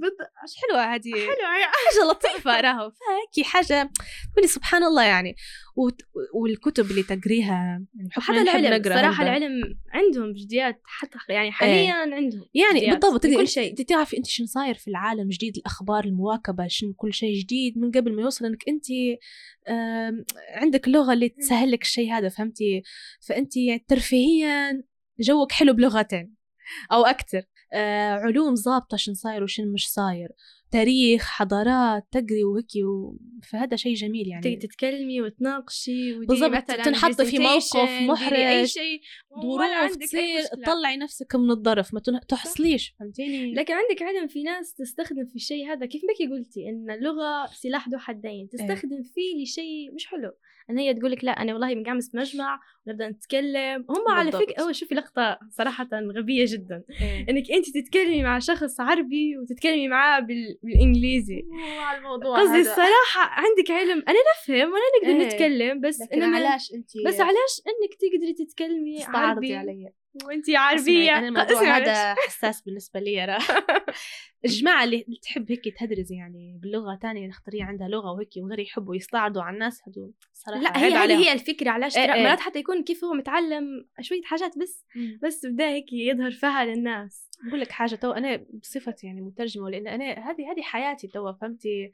هذا لأنا نوض من الصبح لليل وأنا يا خدمة هيك يا حاجة هيك أه، دماغك اللاواعي راهو يبدأ يقول في كلمات. هو حتى أنا على فكرة عندي الشيء هذا بس مم. في نفس الوقت أنا ديما نراعي إني أنا مع ناس يفهموا فيها عربي ما إيه، نتكلمش صح، إنجليزي. صحيح إيه. مع إن أحيانا بالحق كلمات تطلع. حرفيا تك علي انت لا لا. مصر عليك. لكن فا- بجد إيه. لكن أنا ما شوفي هو مستفز الموضوع خاصة لأن لما الشخص انت انت عارفة من نبرته ومن طريقته انه هو يقول فيه كشيء استعراضي مش لأنه هو شيء مثلا كلمة بس طلعت من نبي فمه نقولها والله إني نعرف الكلمة هذه وكنا إحنا مشكلة كنا نعرفها إيه، كنا فهمتي نعرفها إيه إيه. فأنا بجديات اللقطه هي ما نحبهاش. على خاطر انها تبين مدى قلة وعي الشخص الثاني صح خاصة إيه. في مجتمع يعني يتكلم كله، العربية وانت عارفة إن. الشخص هو المجتمع هذا اللي انت فيه. ما هوش مش زملائك في بالضبط. مش مجتمع اللغات مثلا مش مجتمع حاجة. تيجي جاي مثلا بين ناس كبار عزايز شيابينك حاجة. حاولي يعني بالضبط. لكن أهو راه نصيحة اللي بيخش يعني خاصة الترجمة إنه هو switch on switch off راهو بت- بتضطري تتحملي الانتقاد بت... لازم تعلمي نفسك. الكلمات حتهرب منك غصبا عنك إنك انت هذه قرايتك وهذا تخصصك. بس الحمد لله يعني بما ان إحنا يعني معظم يومنا مع ناس هم شبيهين زينا فهم مش حيتضايقوا مش هيدا إحنا عارفين روحنا فهمتي؟ أحيانا يعني الهدرزه والله أمي مرة تقولي في الحوش ان هذا زلمه صاحبتي خلاص تكمل هذا بالإنجليزي فهمتي؟ هذا شيء مش بقصد يعني هو مش استعراض بس هو فعلا يعني اللي بحكم القراية والوظيفة. متعودة. هو صح هي- لكن الشخص أنا- اللي يبدأ أنا مش لا لا قراية لا خدمة هذا هو يعني علاش هي. تستفسري لا، علاش تو مثلا؟ حتى أنا إنسانة قريتي بالإنجليزي. تمام إيه. فنفس الشيء حتى أنا أحيانا نواجه فيه الموضوع هذا ومرات أصلا الكلمة مش مشهورة بالعربي. لأن هي مثلا حاجة جديدة خ... مثلا تقولي بناخذ سيلفي هاي بناخذ سيلفي شنو هي السيلفي هذه كلمة جديدة خرجت في المعجم في 2015 لأن هي كلمة أجنبية ان كاميرا سيلفي باش. بنقول بناخذ ال... الأمامية. الصورة الأمامية فهمتيني لا لا أنا أنا ما أحكيش هيك أنا نحكي إيه. على الحاجات اللي تكون قصدا وتكون هو الشخص مش show- show. بالضبط هذه الغرض متاعها فقط إيه إيه فقط إيه. يعني نعرف كلمتينها هذه مشكلة وهذه؟ تعرفي ديما يعني حتى نشبه في ناس حتى creators على ال social media صناع محتوى آه،. مثلاً ومشكلة ترى في كارثة إيه. ينطقوا في الكلمة غلط ينطق آه تعرفي نفس الكارثة إنك انت فاتحة story وتتكلمي وهيك بعدين صح، صح. إنه في كلمة شوفي هو. في هلبة أبعاد في الموضوع أنا بديت كل ما نكبر كل ما بديت نحس روحي أقل حكما على الناس حتى هم اللي يبوا يدوروا ال show يا معلش يلا نسايرهم نسامحوهم إيه. مرات في ناس هي غير يعني تعامل في الشيء كأنه هو مجال للتدريب ليهم فهمتي لكن أنا معاك إن كل شيء عنده وقته كل شيء عنده أسلوبه كل شيء عنده المجمع الخاص به فهمتي هذه كلمة وصحيحة. بس عادي يعني حتى لو مرات هو الشخص يعني بيتدرب أو هيك لأن أحد الطرق مثلا أنا أنصح بها الناس تتعلم لغة. آه، مثلا آه، تويتر. تويتر آه، من مواقع التواصل الاجتماعي مش محببة هلا بالنسبة لي أما شخصيا ماش عندي توا يعني. بس في فترة معينة بس نحس إن ال social ال social media خاصة على الجيل الجديد دافع محرك. نحبوا نتكلموا إحنا. نحبوا نشاركوا صح. خاصة حتى أكثر من الأجيال اللي باللغة قبلنا هي. باللغة. تاع حاجة غريبة نبي نتعلمها نبي نتعلمها. تبي تواكبي. آه، هذا. تعرفي دافع أكثر بيخليك تلتزمي أكثر من تقولي أنا بنحط لنفسي الشهر هذا هدف إن أنا حنقعمز نحضر 30 محاضرة على اليوتيوب وكي. هذا على فكرة هذه. أكبر كذبة. لكن ترى نخش نكتب تويت على تويتر في 140 حرف. لا تتجاوز 140 حرف. تويتر سواء لغة إنجليزية أو عربية يعلمك كيف آه، تقتص... تختصري الكلام. وتحطي إيه. فيه أكثر عدد من الفائدة وهذه. مهارة مهمة راه. لأنك أنت مح- محددة عندك عندك محددة. وتبي انت تماري الناس يعني أيوة. لو نبوا نماروهم باش نتدربوا ونتعلموا لغه إيه معلش. أنا هذه نعطيها بري يمشي تعلمي بعدين سكري toxic شوية لا على فكرة حتى أنا واحدة من الناس اللي أحيانا حتى في ال reels نشر فيهم باللغة الإنجليزية هنا ال reels هلبة علمتنا راه مفردات جديدة. جديات هلبة هلبة. حتى ما مثلا أنا أحيانا عندي شوية هيك مهارة الإلقاء. إيه. فنبدأ نبي لا نبي نجرب. حي والله عندي نية إني ومش زي لما تسمعيه هذاك الفيديو متاع wake up فهمت wake؟ والله نقول- motivation يعني انت حاليا ما شاء الله مكملة التخصص ومتخرجة. فهل عندك يعني خطط مستقبلية إنك انت تقري ماستر وتحضري مثلا دكتوراه؟ إيه زي ما قلت لك أنا حاليا يعني وقريبا جدا حننتهي من الشهادة اللي يقولوا لها يعني بالإنجليزي post grad diploma مش عارفة لو تقريبا يعني في المجتمعات العربية مازال حتى لو في الشهادة هذه ما دارولهاش مسمى معين باش نقدر نقولها فهمتيني؟ آه لو بنقول دبلوم عالي دبلوم العالي حاجة تانية بكل. نقول دبلوم تخصصي حتى هو شيء تاني في مصر عنده تعريف آخر فهو باختصار يعني هو عبارة عن شهادة يدرسها يعني الطالب اللي متخرج يكون عنده يعني هذه زيادة على البكالوريوس أو الليسانس لكن قبل الماستر فهمتيني؟ يعني هي ما بين الشهادة الجامعية متاعك وما بين وقبل الماستر. فهي الدبلومة هذه تقدر تقولي إن هي تزيد تفتح لك أبواب في نفس تخصصك أنت أو مش بالضرورة نفس تخصصك لكن غالبا في نفس التخصص للشخص اللي بيكمل فيه يعني إنك زيدي تتعلمي مهارات تطبيقية أكتر وحاجات تلمي بها أنت ممكن ما ما ألممتيش بها كلها في, في نظري سابقا في في في, في مرحلة الدراسة الجامعية. آه نقدر نقوله إنه لو ناخذ شهادتين من الدرجة هذه هو ما يعادل الماستر. أو ضعف عدد الوحدات فهمتيني؟ فيعني خطوة جيدة آه، المبادرات الخاصة بها في ليبيا حاليا خاصة كلها مبادرات شخصية ومراكز خاصة لكن نتمنى يعني يوما ما نشوفوها حتى كيف كشيء أساسي ويعني في في الجهات العامة أن هم يطرحوا الفكرة هذه لأنها كويسة يعني. حاجة تأهلك للدراسات العليا وتكمل تعطيك فكرة يعني على الدراسات العليا وكيف. هي قديش سنة هذه؟ آه لا لا هي تعطي فترة بسيطة تعتمد على البرنامج كل بروجرام بروحه. آه. أنا متاعي خدمني حوالي ستة أشهر. ستة أشهر. أربع لستة أشهر. آه حسب عدد المحاضرات متاعك فهمتي؟ هو هذه في مرونة ديما في الدراسات. هي هنا موجودة في ليبيا يعني. إيه موجودة هنا في ليبيا. كان تقروا فيه وهيك. إيه في الجامعة الليبية إحنا يعني. هو المكان مش موضوع يعني هو الشخص ال group المسؤول على البرنامج فهمتي؟ غير إيه. يعني حدث ان هي كانت في الجامعة الليبية اللي هي جنب جامعتي جنب نصر هيك شارع نفس هيك ذا الشعور. هيك خاصة تو تسوقي وهيك آه. تمشي هذه جماعتي وتوا أنا نكمل. فالحمد لله يعني إن شاء الله ربي يزيد من التوفيق. إن شاء الله. جديات إحنا نتمنى كل التوفيق شكرا شكرا بارك الله فيك. فانا كنت بقول حاجة على سيرة الريلز. آه إنه شني أمس مثلا توا في الدبلومة بتاعنا كنا ندربوا على ترجمة شفهية. كنا نترجموا في خطاب محمود عباس في مجلس الأمن. آه قديم طبعا هو. وقتها يعني كانت في شن الحرب على قطاع غزة من الحروب الأولى في, في 2007 2008 وهيك. الحروب اللي نقصد إنها يعني كانت هلبة يعني جسيمة. بسبب ال social media في العامين الأخيرات في الانتفاضة الأخيرة في فلسطين في السنتين الأخيرات كانت أول مرة يعني الانتفاضات دي ما تصير هي في كل سنة كي تلقي فيه حدث كبير هلبة أكبر من الأحداث اليومية هذه. صح. فحدث يعني إنه مؤخرا كان في وقت إحنا عندنا ازدهار في ال social media وخاصة بعد كورونا. بعد كورونا كل شيء تغير. أنت شوفي يعني حياة كلها غيرتها كورونا. الوظائف صح. العمل عن بعد. هل بحاجات جديدة راهو. دخلتنا حاجات تانية جديات. بدت عندنا حتى نقدر نحن نتقبلوها. نتقبلوها. كل شيء بدا عادي. كل everything is possible.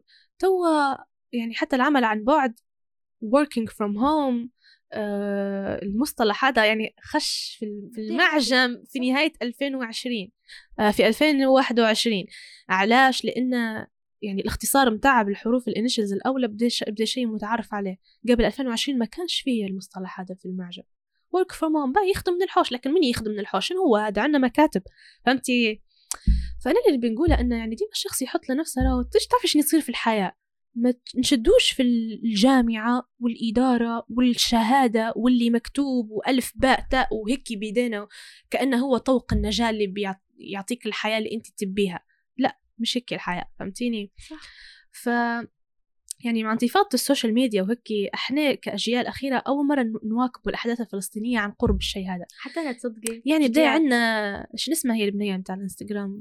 آه منى منى ولا؟ منى, منى حاجة. منى منعرفش نسيت شنو اسمها هو هذه أحداث متاع شارع الشيخ. الشيخ جراح. الشيخ جراح. أحداث الشيخ جراح. فانت شوفي كمية زخم المحتوى. وقتها كان في هلبة بحث عن مترجمين أونلاين. حتى أنا كنت ننشر على صفحتي إنه راهو في جمعيات يدوروا علاش علاش؟ لأن في حرب كان. الحرب أساسها اللغة. باش توصل الصوت إحنا عندنا قنوات إخبارية. أجنبية وإسرائيلية وأمريكية وحتى عربية كانت تجيب في الخبر حرف واحد منها بس خطأ يقلب الرسالة. فشوفي أنت أهميتها. أنت شوفي وقع كلمة قتلى ووقع كلمة شهداء عليك. فشوفي أهمية الترجمة في في مواقف زي هذه. عندك علم يعني في في يعني هو مثال مشهور ديما نضربوا به المثل إحنا حتى في تخصصنا بخصوص فلسطين. سبوتي لما بريطانيا آه، وعد بولفور يعني وفي بريطانيا زمان لما يعني كيف كيف بدت حركة الهجرة الإسرائيليين للاستيطان في في فلسطين وهيك؟ إيه. فالخطاب يعني اللي المكتوب الخطاب الملكي إحنا عندنا بروتوكولات يعني مين يكتب هنا فكل حرف عنده معنى. في الترجمة متاعها طبعا مش حنقدر نستذكر توا المثال بالضبط كان بيودي لو في إنترنت نقدر نفتح ونوريكم. بس ما اللي يهم يعني إنه في الترجمة متاعها آه الألف واللام تاع التعريف غيروا المعنى كلها متاع الموضوع. واستم... وبسبب التغيير في الألف واللام التعريف هذا كان سبب كبير ومهم لانتشار المستوطنات الإسرائيلية والاستعمار في البلاد فهمتيني؟ فهذه يعني حاجة توريك بس كيف إنه يعني وهذا الشيء روى عمدا. الترجمة هي صارت عمدا ما كانتش يعني لقطة بالخطأ. لأن لو بنضيف الألف ولام أل التعريف معناها تحديد تحديد الشيء. المعرفة مش زي النكرة لما نبي نعرف شيء معناه في في دور في فعل وفاعل في في حاجة بتندار وفي حد بيندار لحاجة لكن لما بنخليها بدون ألف وتع... ألف لام التعريف ولما بندير الفعل مبني للمجهول هنا معناه معناه أنا نحاول هيك نطلع روحي من الموضوع نطلع روحي من المسؤولية بدون ما نذكر أسماء. هذا الفعل مبني للمجهول فعل مشاكس. دي بنقول إحنا مشاكس لأن لما إحنا من تقصد يعني حاجة ستفعل؟ من بيديرها؟ نخاف نخاف منها في السياقات السياسية. فهذه حاجة توريك يعني أهمية الترجمة في الحروب رهو الكلمة هي أصل كل شيء. توا مع زخم ال social media تعلمنا هلبة مفردات حتى بالإنجليزي مش حتى بالعربي يعني لأن إحنا حضرنا بالستوريات وبال live في الإنستغرام كيف يصير في شارع شيخ جراح ومش عارفة شنو فكلمات زي ال genocide وهيك أصلا حتى الموضوع هذا وصل لي لهلبة أشخاص. وصل لي هلبة اشخاص ليش كانت في طلب كبير للهلبة وقتها للمترجمين علاش؟ صلحوا الخطأ اللي قاعد صاير. الكلمات تنقلب فهمتيني؟ ال genocide اللي هو الإبادة بدت اللي بيكون من طرف الإسرائيليين أو طرف العدوان مثلا بيقول لك هذا self defense دفاع عن النفس. فشبعتي كيف أتى كل حد يعني.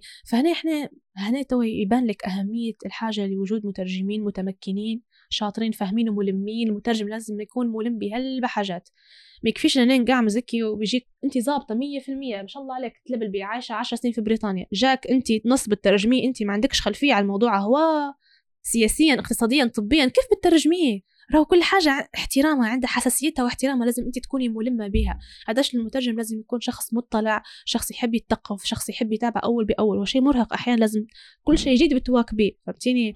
فبسبب وجود الكلمات هي على ال social media هلبة خلاص يعني حتى بالإنجليزي أو بالعربي فهمتيني؟ settlements genocide آه هلبة كلمات أو غير يعني آه في حتى يعني كلمة تانية كانت تدير في مشاكل حتى في التعليقات مع الأجانب.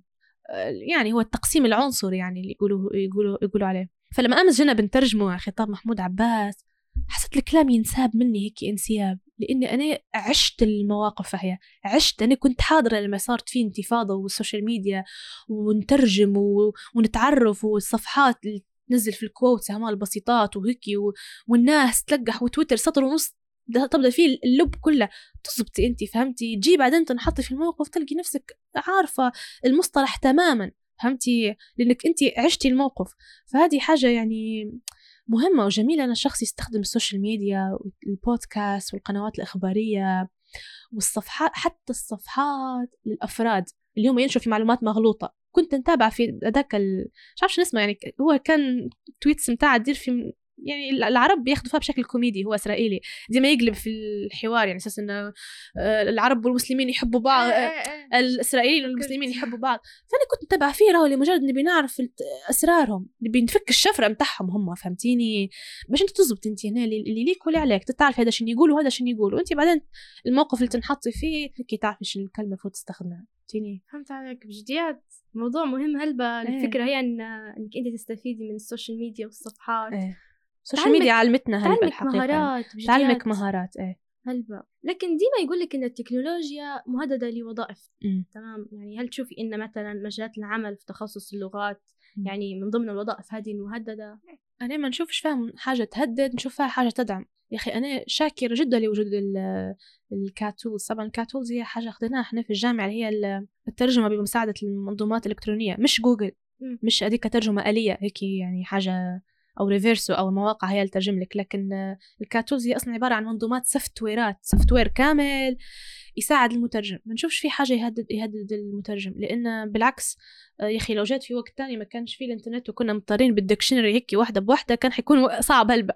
لكن توا إحنا في عصر عصر السرعة لازم تواكبي آه، ديما طبعا ديما ال clients ديما مستعجلين. بالعكس الشيء هذا يساعدك ويستحيل ولن ابدا ابدا ابدا تستبدل يعني الآلات المترجمة. طبعا في هلبة هو حديث بسبب ال AI ومع المصممين. أيوه صح. آه لكن في خوف حتى في خوف. هلبة كبير. آه شوفي ما نقدرش نتكلم عن المصممين لكن عارفة أن حتى هو في الأخير بكل فن وحاجة إنسانية وهذه حاجة يلتقي فيها هو واللغات والترجمة.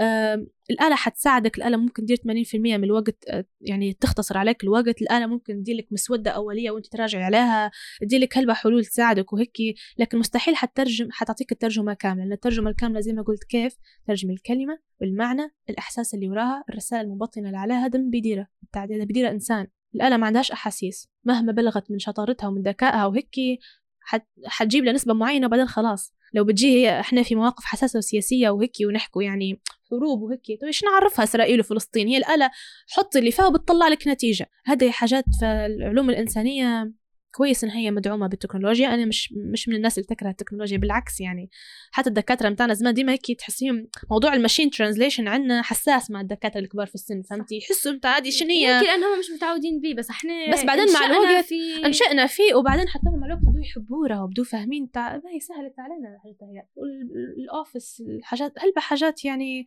بالعكس. تعلم تعلم لازم نتعلم ونسهل على روحنا الحياة. تعب وش ما هياش معيار الفلاحة مش معيار النجاح إن أنا يعني ما نستخدمش في Reverso Context يعني أحد المواقع زي جوجل يعني. بالعكس لو أنت شهاده بيساعدك يعني إنك آه، تجيبي ترجمة أفضل إيه لكن المهم إنك أنت آه، لو نحوا منك الآلة حياتك ما توقفش. هذا هو خلاص لا نمشوا نمشوا عادي. أصلا يعني وقت القراية ممنوع إنك تستخدمي ال machine translation في الامتحانات وهيك. عندنا طبعا القواميس الإلكترونية هذه بدون واي فاي يعني حاجة وأنا القواميس التقليدية صفحة بصفحة نقعمز نقلبه فالمهم إنك أنت تتعلمي هيك لكن بعدين في سوق العمل it's unrealistic إنك أنت تقعمزي يعني بالقاموس الورقي. فشيء طبيعي جدا نستعينوا من الآلات والآلات هذه نعمة من ربي وحاجة يعني العلم طورها إن هي تساعد الإنسان وتخدمه مش انها هي بتخنب منه وظيفته أو بتعدي. جميل جدا. يعني الصراحة الحلقة كانت رائعة هلبا. ختاما هيك في سؤال يعني إيه. بدي أسأله لك. لو رجعتي لنقطة الاختيار التخصص إيه؟ للثانوي شهادة ثانوية خاص كملتي حاليا شهادة ثانوية تبي تختاري تخصصك. إيه. هل كنت اخترتي حنختار ألف مرة. حنختارها مرة وألف مرة. علاش؟ لأنه هو زي ما قلت لك يعني لما تكبري هيك الحياة في التخصص هذا بالضبط الحياة أصلا تخرج حتى شوية عن إطار التخصص والشهادة ونش بندير. الشهادة بحكم إن إحنا قاعدين يعني في, مو... في الأخير بكون إحنا بودكاست للطلاب وهيك. لكن في هلبة تجارب حلوة للحياة في المرحله الجامعية ومرحلة ج... من أهم المراحل. أنا بالنسبة لي أحلى بهلبة من الثانوي وأحلى من المدرسة وهيك. في حرية وفي هيك ما نعرفش أبواب مفتوحة أكثر وفي متسع للتجارب. فهي مش غير الشهادة ومش غير إن أنا الحمد لله تسخرت إن أنا نخدم بكري. وتسخرت لي الوظائف وإن أنا مثلا تعلمت وضغطت شوية على نفسي في الأول وهيك وجربت كذا حاجة وإن أنا بسبب فاصلة وهيك هذا هو اللي خلاني أنا اليوم. مش إن هي أنا خشيت كلية اللغات. لو خشيت كلية اللغات وتخصصت في الترجمة وكل شيء لكن أنا ما درتش الشغل اللي درته ما تجرأتش ما تشجعتش ما كنتش ما كنتش حنجي اليوم ونقول الكلام هذا. ما كنتش حتى حتسمعي بي انت كيف كيف سمعنا على بعض؟ لأن حد يقول على حد فهمتي؟ يعني انت شغفك صح. بيحكي عليك. فهمتيني؟ فهو مش التخصص يصنعك انت تصنع التخصص انت وين ما يحطوك مش الوظيفة تجيك انت تمشي لها. مش الشيء مش كيف إحنا بنكسر المجتمع كيف بيغير رايه ما يهمش المجتمع انت باللي عندك انت كيف شم تصنعي فهمتيني؟ مش مهم حاجة لازم تكون تتحداك أكاديميا وواعرة باش نقول إن أنا شاطرة وهيك. شطارتك في الحاجات اليومية البسيطة وإتقانك لها إتقانك في عملك كمسلمة إحنا كمسلمين أعطينا نتقن العمل متاعنا الحاجة أيا كان الشخص الثاني يشوف فيه سهل. معناه تو زي بعد ما حكينا عرفنا قديش من هو مش سهل ولا؟ هو مش سهل بكل. هو مش واخد حقه. فأنت اتقني بس حاجات بسيطة. هي كويسة. أنت هيك ربحتي دينك وديني وآخرتك وهيك. ف... فحنختارها ألف مرة لأن يعني الحمد لله كان اختيار ناجح. لا يخلو من الصعوبات لا يخلو من العراقيل لا يخلو أنا حتى تو قاعدة في مرحلة يعني الوظائف قاعدة نشوف قاعدة مش بالضروري كل شيء انك تشوفوا فيه بعد ما تخرجوا بسنة. عادي أعطي نفسك يعني البراح إنك أنت تجربي حاجات وهيك. بس برضو لأنه الناس اللي اللي يعني تعرفت عليهم في المرحلة هذه القصص اللي أنا عشتها الحاجات اللي غيرت في وعي وفي شخصيتي وبنت لي يعني غيرت لي البرسبكتيف متاعي على الحياة بصفة عامة فهمتيني؟ فهو كان أكبر من إنك أنت تتخصصي في حاجة تحبيها أو لا هو كان تجربة تعلمك حاجات أنت تباها في حياتك وحتقعد معك للأبد. المهارات اللي انت تعلمتها يعني كيف بحثتي مهارات البحث على التخصص كيف خذت المعلومات كيف بعدين قاعد نفلتر نشوف المعلومات اللي هذه مثلا قاعدة في وقت نحن ماشية أو لا كيف نسأل كيف ما نتحشمش نسأل الشخص آه، أحكي لي على تخصصك وهيك كيف نعطي لنفسي فرصة إن نغلط. معلش ما ما تسخر ما تسخرتش يعني عشان تخصص تاني معلش باللي موجود ما توقفش الحياة. انت اللي تصنعي التخصص انت اللي تصنعي نجاحك. اكتشفت بعدين إن أنا شغفي يطلع طهقة و... وتسكر الموضوع معلش نبدل الكلية مش آخر الدنيا. باه يضيع من يضيع مني وقت شوية في الأول لكن هو استثمار على المدى الطويل والبعيد. فهمتيني؟ فالحمد لله أنا كنت يعني محظوظة وهو نعمة من ربي مش شطارة أو فلاحة مني أن أنا آه، اخترت حاجة وفعلا كملت فيها لأن الانتويشن بتاعنا خاصة إحنا كنساء مش عارفة لكن في نقدرش نقولها بالكلام هذه حاجات صعبة. وصلت زبطتي أنا حابة نقول لك إن هي إيه وصلت. في عندنا حاجات نحس في حاجات دون حاجات في حاجات تحسها وفي عندك شك وفي حاجات انت عارفة هذا مكاني وهذا هذه حاجتي وحتى بالصعوبات متاعها حتى بالأيامات السيئة حتى بالأيامات اللي ما خاطركش فيها الترجمة الأيامات اللي ما خاطر اللي تفشلي فيها الأخطاء اللي دير فيها في أخطاء آه، محرجة. حتحبيه وحتديريه فهمتيني؟ أحيانا حتى الحب هذا ما يجيش قبل انك انت ما تقري فيه. قبل. مرات تكتشفي أنت حاجات جديدة بالضبط. يعني ديما أمي تقول لي لو أنا في وقتك كلمة الشغف وهيك إحنا ما عندناش عندنا حاجة الكونفينينت وحاجة كويسة ودي لك سوق عمل واكتشفت هي حبها براعتها هي مبرمجة. فيعني شوفي المجال هذا راهو قد شوية صعب حتى على النساء. فهي يعني أمي شخص ذكي جدا يعني ما شاء الله عليها. الله يحفظها. سلمك الله يحفظها فهي اكتشفت حبها للشيء بعد حتى ما خد... خدمت هذا علاش هي ما حتى وقتها إحنا كان زي التصادم بيناتنا. انت عارفة خايفة ما بعدين تندمي تغيري رأيك. شفتي كل حد عنده تجربته. ما فيش تجربة هيك تتعاود مية في المية زي للشخص الثاني مية في المية. لكن اللي ساعدني إني سمعت رايها في الأخير خديت منه تاخدي آراء وتاخدي آراء نقصي الآراء مش كل رأي ناخذوه راهو. في عنا هلبة إحباط وسلبية في المجتمع. أكيد. خدي رأي الشخص اللي أنت تطمحي إنك أنت تولي زيه في المستقبل. ما تخديش رأي شخص أنت ما فيش بيناتكم حاجات مشتركة حتى لو كان كلامه كويس. لو أنتم ما عندكمش أهداف مشتركة نصيحته مش بالضروري إن هي تصلح يعني مرته قايلها من حب واهتمام لكن فهمتيني؟ فهذا ليش يعني لو جاء بي زمان حنختار يعني حاب بس نقول إنه بعدين أرجع لنفسك وأرجع وأكتب. اكتب واستخير وهيك هي راهو آه، في الأخير بكل والله في الأخير بكل بكل بكل هو هذا شيء توفيق من ربي. ما فيش حاجة يعني اختيار مئة في المئة ناجح. وديما حتكون في عراقيل ديما زي ما قلت لك حتكون في تحديات لن تنتهي التحديات. لكن انت بتصنعي من لا شيء من لا شيء فهمتيني؟ وأعتقد أن الشيء الوحيد اللي هو يعني نسلموا فيه أمرنا لربي إن إحنا لما بنخش الجامعة هلبة صغار يعني مستحيل أنا نقول توا القرارات اللي اتخذتها قرارات حاسمة اتخذناها وإحنا عمرنا 18 سنة. قرار مهم يعني من من ما نقصش من أهميته ما نقصش من أهمية المخاوف والتردد. فاليد مهمة. قصدي إحنا تخيلي انت تو تقولي معقول أنا عمري قريب 24 سنة كيف قدرت تجيني جرأة إن أنا بكل ثقة نقول أنا بنخش هيك بهلي بهلي تسخرت هي؟ فهو صح. مفهوم هذا فهمتيني؟ خاصة القرار هذا حيعتمد عليه حياتك حيعتمد عليه حياتك. لكن وحيصنك انت وحتحاولي يعني انت تتعاملي معاه وحت ما كيف نقولها لك بس حاجة مهمة من حياتك. حتى جداً. لو الجميل في الحياة نحن نقول يعني نعاودوا من جديد عادي يعني. حتى لو مشتش الأمور نعاودوا لكن زي ما قلت لك يعني هو توفيق من الله إيمان بالله بحث كويس النصيحة والاستفادة من الناس اللي نحن يعني نوثقوا برأيهم و نوع يعني من المنطقة والتوازن ما بين الشغف وما بين اللي إحنا نبوه ما نطلعوش بأفكارنا إلى بعد يدم يدمرنا فهمتيني؟ شيء بيعيقك أكثر من هو يدمرك. الأحلام والطموحات حلوة لكن الأحلام والطموحات مع مش الواقع كل شيء. مع الواقع. مع الواقع ومع إن إحنا رانا بعدين بنكبر قصدي لامتى بتقعدي انت بتتخيلي في حاجات.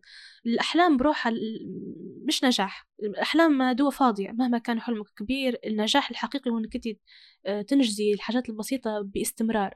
الالتزام والاستمرارية بس باستمتاع. وباستمتاع قدر الإمكان. هي سعيدة يعني هي الحياة واحد ديما يقول بالضبط. ليش ما مرة إيه علاش يعني توتر. نفسنا في قوالب غير حاجة منطقية. على انستغرام يقول لك مهما توترت ومهما فكرت هلبة وهيك يعني فهمت مهما توترت هي حجي حجي والله ما حجي حجي الأمور بشكل صعب آه ديما. فا ما عمرك تحكم على شيء قبل حدوثه. أيوه. ما, تتوق... ما تحطيش هلبة توقعات يعني خلوا إحنا نقولوا تصورات مش توقعات توقعات هذه تهلك الشخص. تصورات. آه، تصورات يعني غير تساعدك بس هيك ترتبي أولوياتك لكن في الأخير بكل في هلبة مجال للحياة للظروف لحاجات unexpected و- وهيك الحياة يعني خلي نفسك آه، عيشي الحياة وتعيش لك. عيش الحياة وتعيش لك. الصراحة استمتعنا جدا بالحلقة هذه حتى أنا بجديات- والحديث الحقيقة لا ينتهي لا تحسي ينتهي ديما. يعني بجديات في حاجات أنا نحكوها. والله يعني مبتسمة تشوفي فيها حتى أنا الحلقة رائعة جدا واستمتعت. جدا. بالرحلة هذه والتعرف على تخصص اللغات وإنه هو فعليا تخصص عظيم يعني قالت أميمة أن تخصص يترجم الأحاسيس والمشاعر وكل شيء فصراحة أنا أتمنى أنه هو يعطوه حقه في ليبيا الله بشكل كبير جدا يعني هو هذا الشيء حيصير عن طريق المبادرات زي البودكاست هذا. بودكاست يعني حس الجامعة آه، وإحنا يعني عابين على الأجيال على إحنا إحنا الشباب والأجيال اللي بعدنا هم اللي حيكسروا الصور النمطية هذه. فيعني نتمنى أنا من خلال الحلقة هذه ومن جهودكم اللي أنتم تديروا فيها باش تجمعوا يعني ناس تمثل حاجات ممكن إحنا مش مش عاطينا هلبة انتباه إن إحنا نزيدوا نحترموا يعني جميع المجالات ونعطوها حقها ونقدروها ونفهموها أكثر فعليا باش نوصلوا إحنا للاتزان بالضبط خاصة للمجالات الإنسانية يعني. بجديات شكرا أميمة ليك بجديات عفواً. الحلقة كانت رائعة هلبة شكرا جزيلا على استضافتكم. العفو ولو. مستمعينا الأعزاء انتهت رحلتنا في هذه المحطة. صراحة استمتعنا جدا مع أميمة واستفدنا منها واكتشفنا عدة أشياء ما كانتش حلقة لتخصص بالعكس كانت حلقة لعدة أشياء ولعدة محاور ومفاهيم رائعة هلبة شكرا أميمة ليك العفو شكرا على استضافتكم وهذه الجهود الرائعة والشبابية اللي بت- بتقدموا أحسن من اللي إحنا قدمناه باش إن إحنا نساعدوا مع بعض يعني نبنوا مجتمع حقيقي آه، يعيش يعني على. على على إتقان الشغل وحب الشغل وعلى احترامه مش على إن إحنا بس يعني نحطوا نفسنا تحت تعريف أو أو تقييد معين. لإرضاء الناس. بالفعل وإنه هو يستمتع بالرحلة يعني. بالضبط. العفو أميمة. نلقاكم في محطة حس الجامعة الأخيرة مع مرشد متميز آخر. دمتم في رعاية الله. الطائرة تحلق والرحلة مستمرة. باش ما تحسش بالضياع وتكون الوجهة واضحة بالنسبة ليك. اسمع حس الجامعة. حس الجامعة بودكاست طلابي. هدفه يكون مرشد ليك من أول خطوة ومنجد ليك طول الرحلة.